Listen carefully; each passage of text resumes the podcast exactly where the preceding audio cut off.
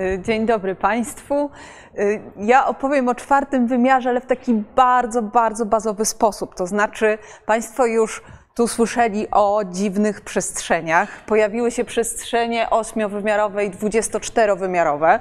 My powiemy o przestrzeniach czterowymiarowych i najprostszych geometrycznych rzeczach tam związanych, y, znaczy, które tam występują, ale zobaczycie Państwo, że to i tak jest niezła gimnastyka dla naszej wyobraźni i mózgu. Dobra.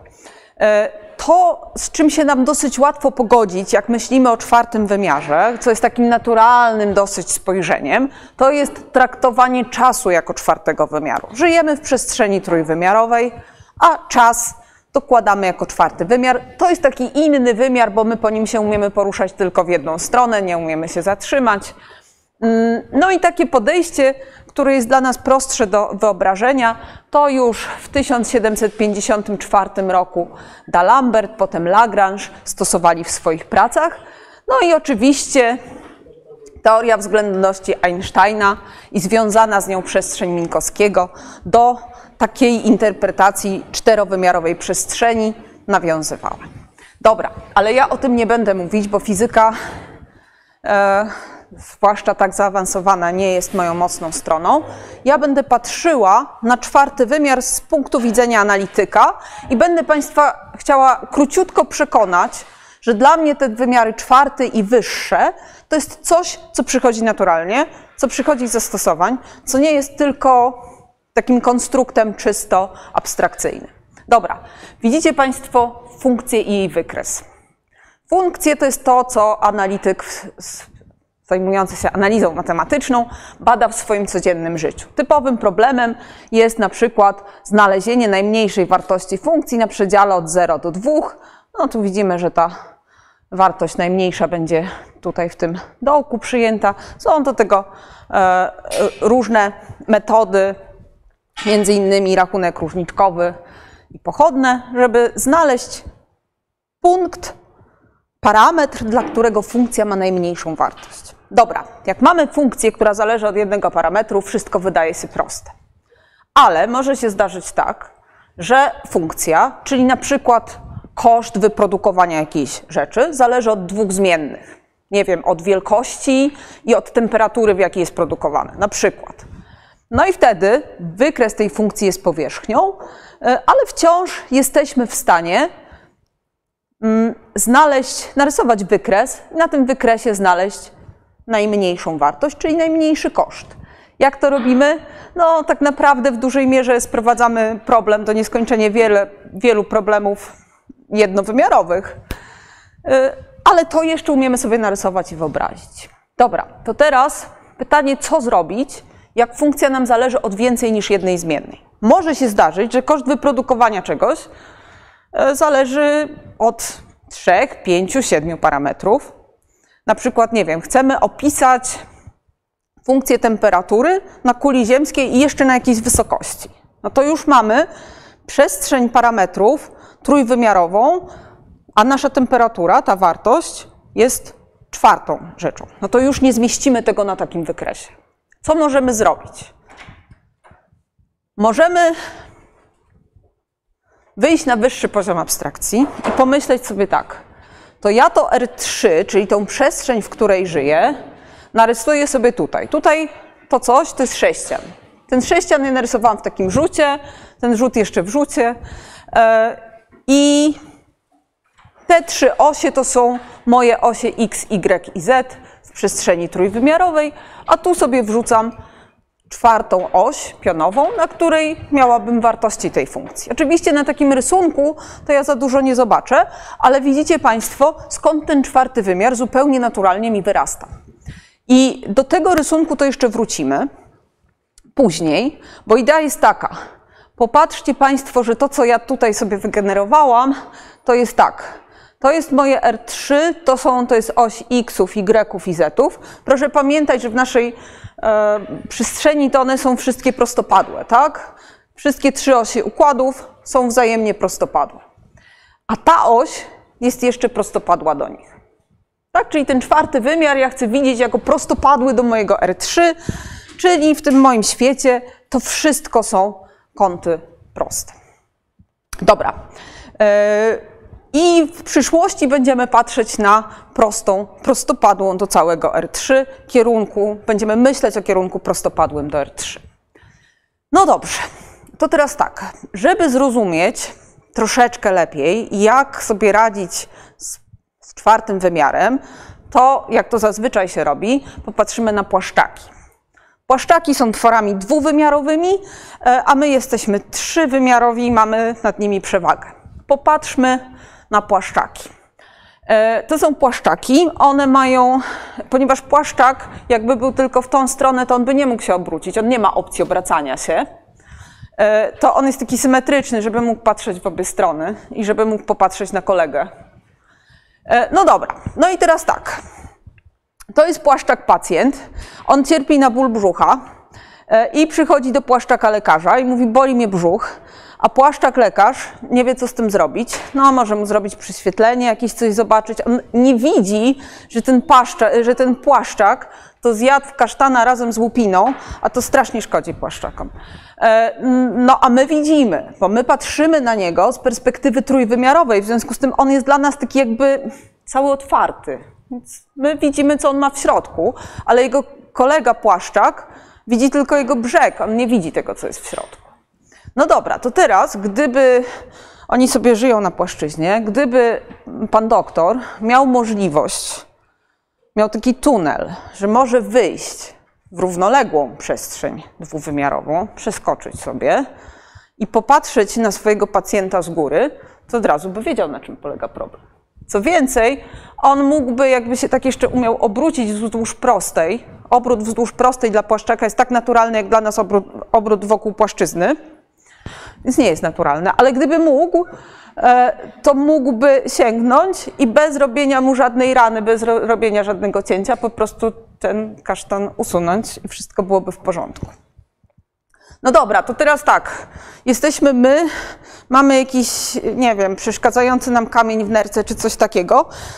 E, lekarz z czwartego wymiaru mógłby nas zobaczyć, tak jak my widzimy tego płaszczaka, bez żadnych przyświetleń zobaczyć, że tam ten kamień jest i co więcej, bez rozcinania jakiejkolwiek naszej tkanki, po prostu go wyjąć, tak, tak z boku, tak z tego dodatkowego wymiaru. No dobra, to tak będziemy o tym myśleć. Przy okazji polecę Państwu e, trylogię e, science fiction, która mi się bardzo podobała. To jest książka Cixin Liu. E, tytuł to jest akurat trzeci tom, Koniec śmierci. I tam pierwszy rozdział mówi o takich. Tam nie jest nigdzie powiedziane w pierwszym rozdziale, że to jest czwarty wymiar, ale jak Państwo już po tym wykładzie by posłuchali tego tego pierwszego rozdziału. Ten pierwszy rozdział jako próbka jest nagrany na YouTubie, można posłuchać, jak lektor czyta. Mm, I tam historia jest pani, która w czasach oblężenia Konstantynopolu pojawia się e, w oblężonym mieście i mówi, że może pomóc pokonać wroga, e, bo umie wchodzić w zamknięte przestrzenie i jako dowód pokazuje kielich e, wydobyty z bardzo strzeżonego skarbca, zamurowanego i zamkniętego. No i wiadomo, że ona ma jakieś niezwykłe moce. Zachęcam do, do posłuchania. Dobra, a my przejdziemy do geometrii. Y, ja nie będę się zajmować jakimiś y, trudnymi czy skomplikowanymi kształtami y, w czterech wymiarach. Skupimy się na kostce i na sferze.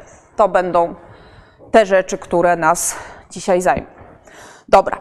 Jak narysować czterowymiarową kostkę? Co to jest czterowymiarowa kostka? No to jak pomyślimy o tych czterech prostopadłych osiach, to chcemy mieć cztery prostopadłe odcinki jednostkowe. Hmm. Dobra.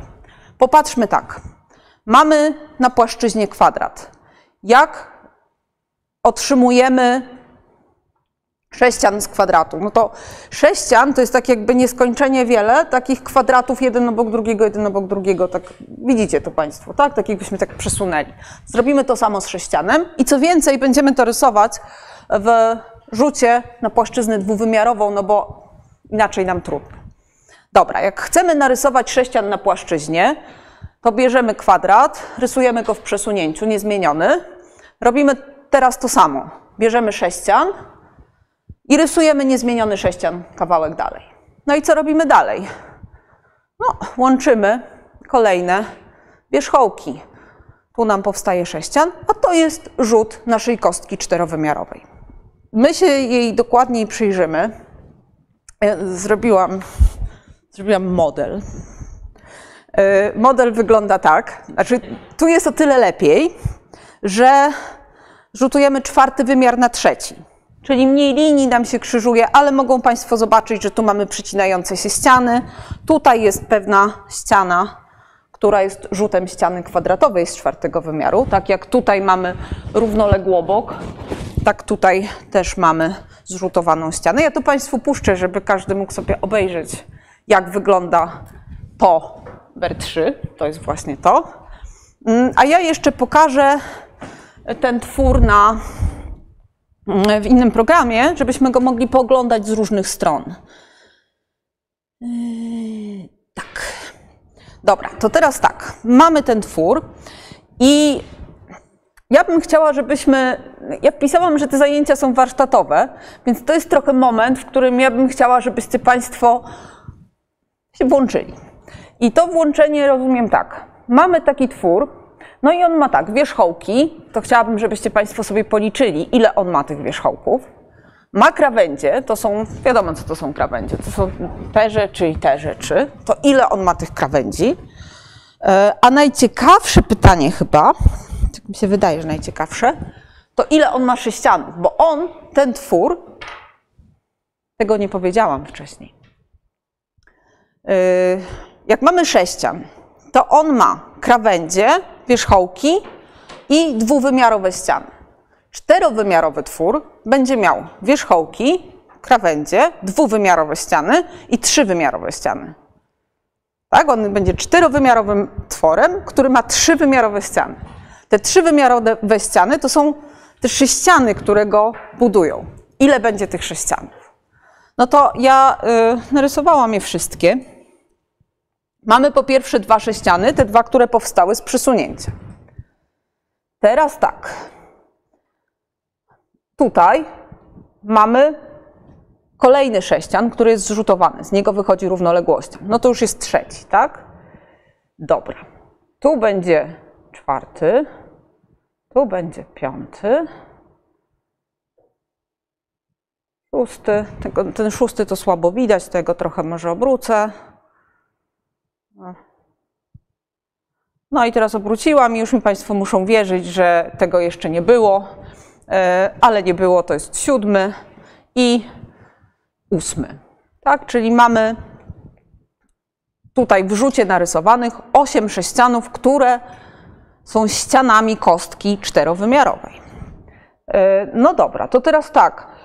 Jeżeli komuś w takiej postaci jest trudno sobie tą kostkę czterowymiarową wyobrazić, to możemy spróbować inaczej. No i inaczej, inaczej wygląda tak. Y, jeżeli chcemy narysować sześcian, znajomy twór sześcian, możemy popatrzeć na sześcian w rzucie perspektywicznym. Czyli tak, patrzymy, to duże to jest ściana, przez którą patrzymy, tak jak patrzymy na pokój na przykład, tak? To jest ściana, przez którą patrzymy, to jest tylna ściana, no i krawędzie, które się do niej zbiegają, tak?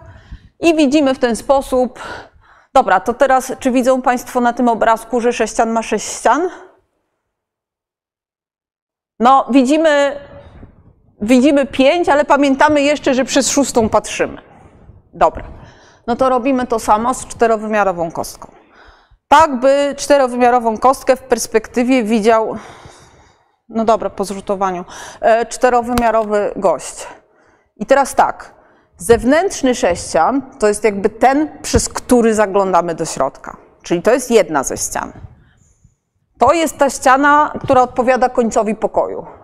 No i mamy jeszcze te łączniki. Ja znowu mogę to Państwu pokazać w takiej wersji, żeby można było to pooglądać z każdej strony. Tak, widzicie Państwo, że to jest taki sześcian zawieszony jakby na nitkach w środku. No dobra, no to tutaj możemy policzyć, ile mamy tych trójwymiarowych obiektów. Kostka w środku, kostka na zewnątrz to dwa. No i tu jeszcze policzymy. Proszę zobaczyć, że każda ściana małego sześcianu łączy się z każdą ścianą dużego sześcianu. W związku z tym mamy 6 plus 2, 8. Jest jak trzeba. No dobra. To jak ludzik trójwymiarowy może oglądać cuda z czwartego wymiaru? No musi jakoś to sprowadzić do wymiaru trzeciego, w którym funkcjonuje. Jak możemy sprowadzać rzeczy wyżej wymiarowe do niżej wymiarowych? No możemy rzutować, to już zrobiliśmy. E, z sześcianem, żeby go oglądać na płaszczyźnie, to jeszcze e, robimy sobie siatkę na przykład sześcianu. Zaraz zrobimy trójwymiarową siatkę e, tego twora. No a trzecia rzecz, najtrudniejsza, to będziemy robić przekroje. Tak jak można e, dwuwymiarowe przekroje trójwymiarowych tworów, to my będziemy kroić przestrzenią trójwymiarową twory czterowymiarowe. Dostaniemy coś w trzecim wymiarze, coś nam to powie o naszej czterowymiarowej kostce. To będzie ten najtrudniejszy kawałek. No dobra, e, to teraz może nawet nie będę tak, y, siatka sześcianu. Siatka sześcianu to jest twór Państwu na pewno znany, każdy kiedyś jakieś pudełko sklejał. Wiadomo, co robimy. Zginamy po tych krawędziach. No i y, chciałabym, żebyśmy się tu przyjrzeli, co z czym sklejamy. No to tak, tę krawędź skleimy z tą. E, tę krawędź to już skleimy z tą. E, a z czym skleimy tą górną krawędź? Widzą Państwo? Z tą na dole. Dobra. No to teraz to samo, tylko wymiar wyżej. Yy, mamy siatkę kostki czterowymiarowej. Powiedzieliśmy już sobie, że ona się składa, że żeby tak skleić w czwartym wymiarze tą naszą czterowymiarową kostkę, to, że potrzebujemy 8 sześcianów. Mogą Państwo policzyć, że tu jest 8 sześcianów. No i teraz y, spróbujmy pomyśleć, co się z czym skleja. To ja otworzę to w innym programie, bo tak nam będzie łatwiej. Dobra, to tu jest taka jedna ściana y, zaznaczona na fioletowo. Jakby czterowymiarowy ludzik chciał skleić z tej kostki, znaczy z tej siatki sobie kostkę czterowymiarową, to do czego powinien dokleić tę ścianę? Widzą to Państwo? No to, to tej obok, prawda? No dobrze, to teraz trudniejsze pytanie. E, do czego ma dokleić tę ścianę?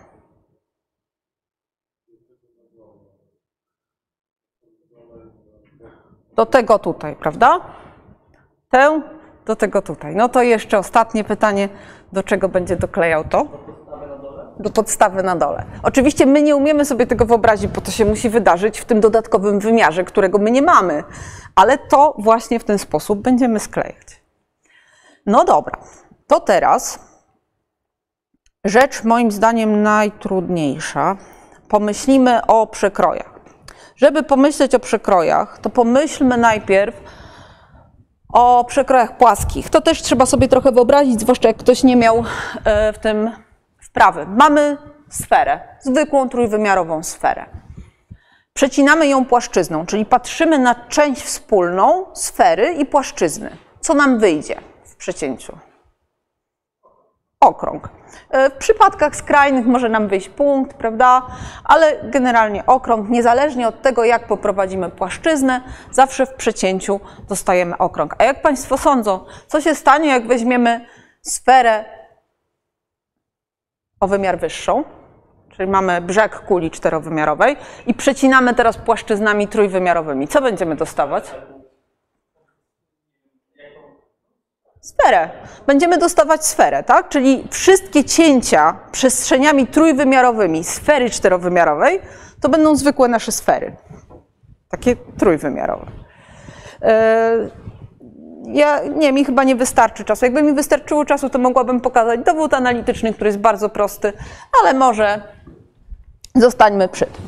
Dobra, to teraz tak. Mamy sześcian e, i pytanie do Państwa jest takie. Tniemy sześcian płaszczyzną. Co możemy dostać? jakie, jakie twory dostajemy, jak tniemy prześcian płaszczyzną, czyli część wspólna płaszczyzną i sześcianu. Jakiś wielokąty, może być prostokąt, co jeszcze może być? Trójkąt może być, coś jeszcze? Sześciokąt, równoległobok. Dobra, to ja Państwu pokażę różne przykłady. Mam nadzieję, że pokażę, bo coś mi się slajdy nie chcą zmieniać. Kwadrat możemy dostać tnąc po prostu płaszczyzny równoległe. Dobra, prostokąt, no idąc równolegle do krawędzi, cały czas będziemy dostawali prostokąt. Trójkąt ścinając naroże. Możemy też dostać pięciokąt, to jest mniej oczywiste, ale możemy. E, sześciokąt mam w osobnym pliku, to jeszcze też Państwu pokażę, jak ten sześciokąt.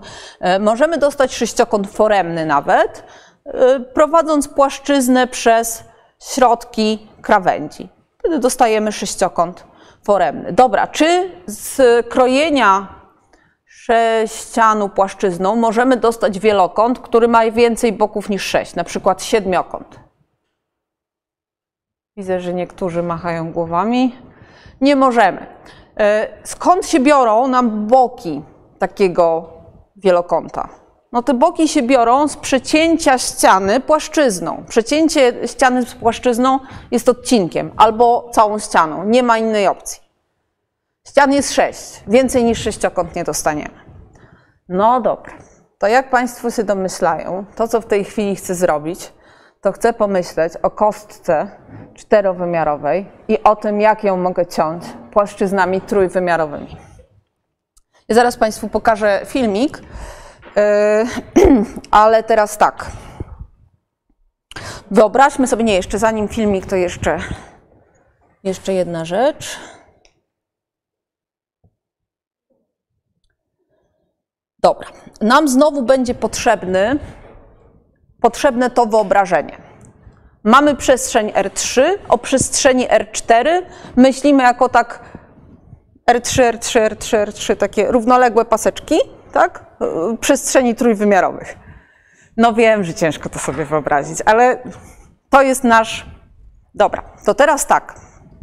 Mamy coś takiego yy, i to jest znowu w tym, w tym ustawieniu narysowana nasza kostka czterowymiarowa. Tak? Nasza kostka czterowymiarowa wygląda tak, że tu mam kostkę trójwymiarową, tam na górze mam kostkę trójwymiarową.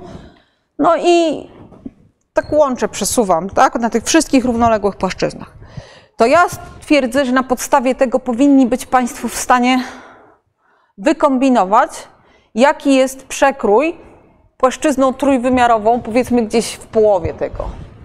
Co nam wyjdzie? kroimy przestrzenią trójwymiarową. Zobaczcie Państwo, co tu się dzieje.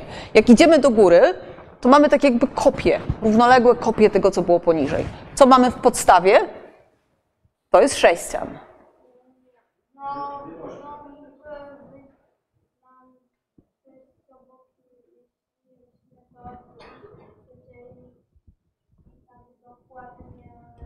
To co wyjdzie?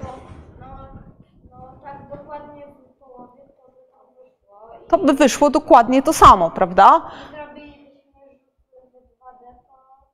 To to samo, dobra. To to to samo, to co to będzie dla nas? Sześcian.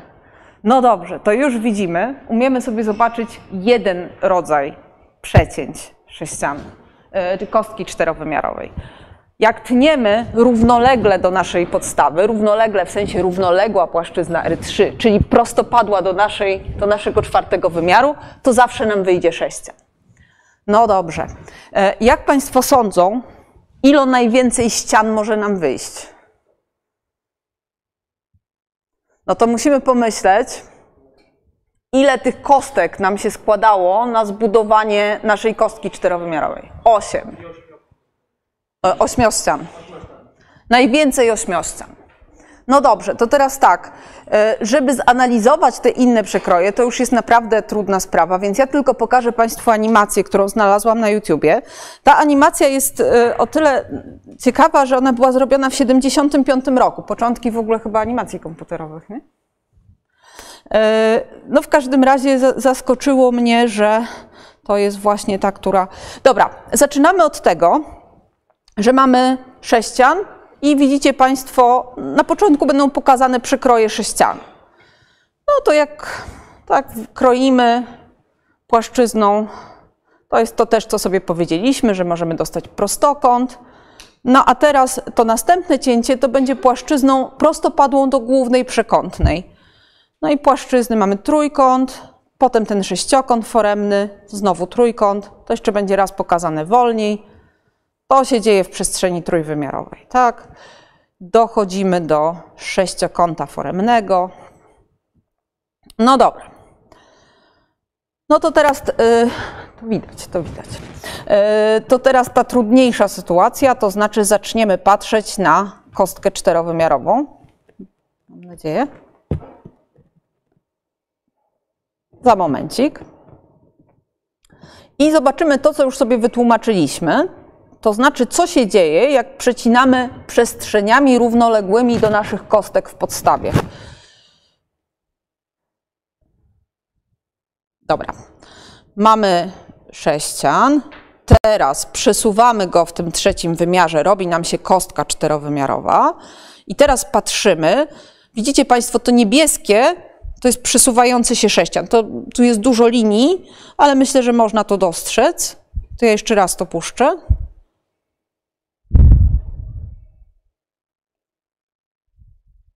Dobra, jeszcze raz się utworzy kostka.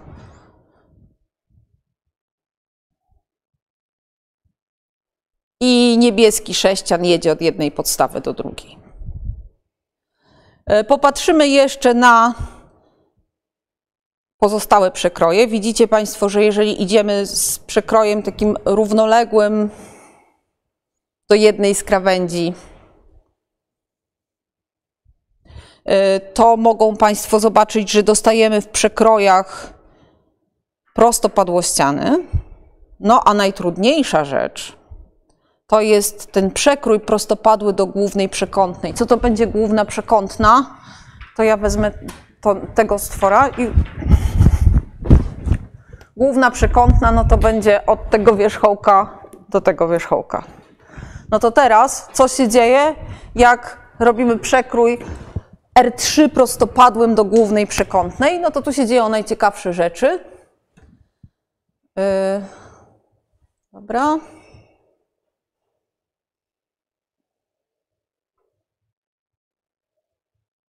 Mamy ten moment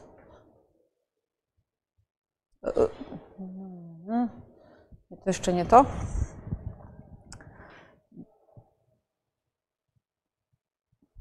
Teraz będzie przekrój prostopadły do głównej przekątnej. Zaczynamy od czworościanów. I na końcu, i ten moment zatrzymam, chciałabym, żebyście Państwo zobaczyli ten ośmiościan w pewnym momencie. Teraz widzimy czworościan, który wynika ze ścinania czterowymiarowego naroża. I dojeżdżamy do takiego momentu, kiedy faktycznie jesteśmy w stanie dostać oś, ośmiościan i co więcej, jesteśmy w stanie dostać ośmiościan foremny. I to jest taki odpowiednik tego naszego yy, przekroju sześciokątnego. Dobra, to może niech to się jeszcze chwilę po, to jest y, wszystko, co chciałam dzisiaj Państwu przedstawić i pokazać. Natomiast chciałabym, żeby jeszcze ta animacja pokazała Państwu y, ośmiościan, ale nie wiem, czy co się zadzieje. O, o, o, o, o, o, dobrze, dobrze, dobrze jest. Y, w tym momencie, przechodząc przez wierzchołki, to niebieskie, jak Państwo się przyjrzą, to jest ośmiościan foremny. No i to, to już naprawdę wszystko, co chciałam dzisiaj powiedzieć.